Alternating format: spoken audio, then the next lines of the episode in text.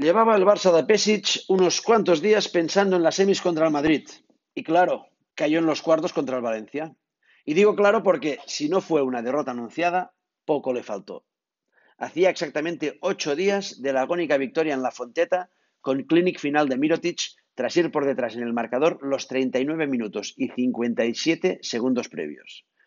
En verdad, el de, Mirotic, no fue ese día el primer clinic del partido, fue el segundo tras el de Jaume Ponsarnau, que se volvió a comer a Pesic como en los tres duelos anteriores, el de Supercopa, el de ACB y el de Euroliga en el Palau. En todos ellos el Valencia dominó gran parte del partido, se mostró más sólido detrás y más trabajado delante. En todos ellos, eso sí, la descomunal calidad del roster culé, con Mirotic y Delany al frente, volteó el meneo en su fase terminal. Anoche la calidad no fue suficiente. Ponsarnau hizo sus deberes y volvió a pillar a Pesic, como decimos los, catalanes, a los pixats al ventre. Y van ya unas cuantas veces para que nos lo sigamos tomando como un accidente. Por mucho que te agencies a los mejores talentos ofensivos del mercado, por mucho que tengas en Claver y Hanga a dos de los mejores defensores de Europa, por mucho que tus cracks puedan meter a la desesperada en tantas ocasiones que te puedas llegar a creer que esto es jugar bien, por mucho que tengas todo eso, insisto, pocas veces ganarás un partido en el que te tienes que rehacer de un 0-20 en el primer tiempo y de un 0-14 en el segundo.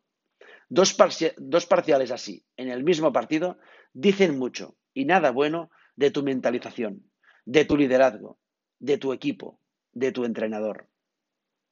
No es Pesic ni mucho menos el único culpable del meneo, pero esta dolorosa derrota deja muy tocada la credibilidad de un técnico que vino a resucitar a un muerto y lo resucitó. Lo justo para ganar la copa, sí, pero resucitó. Tan cierto como que rearmó emocionalmente al equipo es que lo dejó lejos, lejísimos de los dos títulos gordos. En el segundo año, más de lo mismo. Volvió a rearmar, a rearmar al equipo para ganar la copa, y volvió a quedar lejos, lejísimos de ganar Liga y Euroliga. Y ahora, con el mejor rooster de Europa en sus manos, cae en su trofeo a la primera de cambio y tras, y, tras sobreexponer a los titulares, especialmente a Mirotic, en los 45 partidos previos de Liga y Euroliga, se queja de falta de frescura de, de sus jugadores en la rueda de prensa posterior al naufragio copero. El problema no es ya que con esta plantilla se pierda un partido de cada tres o cuatro. El problema es que el entrenador rival te come la tostada en tres de cada cuatro. Ahora mismo, más que la derrota en cuartos de copa o volver a constatar que Pesic no incide apenas en los partidos gordos, lo más preocupante sería que el grupo haya dejado de creer en su entrenador. Ahí sí tendríamos un problema gordo. Y es que ha llovido ya, y el baloncesto ha cambiado mucho desde los tiempos de Lolo Sainz, y ya casi no encontramos grandes plantillas que ganen sin que, sin que su entrenador incida en los partidos. Los grandes equipos necesitan siempre entrenadores a su altura que sepan dar respuesta a las dudas y, y flaquezas de sus estrellas. Y cuando no los tienes de inicio, hola Ernesto, no te queda otra que improvisar, que buscar un impulso para intentar salvar la temporada. Por cierto, ¿ha firmado ya Xavi Pascual por el Zenit?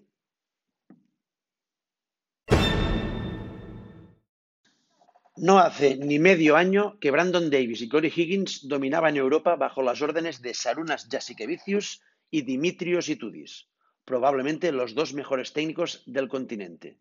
Hoy, tras un inicio de curso prometedor, son un par de almas en pena la mayor parte de los partidos.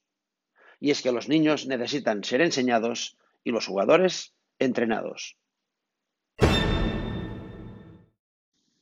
¿Cómo es posible que el Palau, que lleva un lustro comiendo mierda de la buena, ovacione a rabiar a un entrenador que ha ganado dos copas y ha perdido dos Euroligas, dos ligas y una copa, y que es incapaz de dotar a la mejor plantilla de Europa de la solidez necesaria para ganar títulos?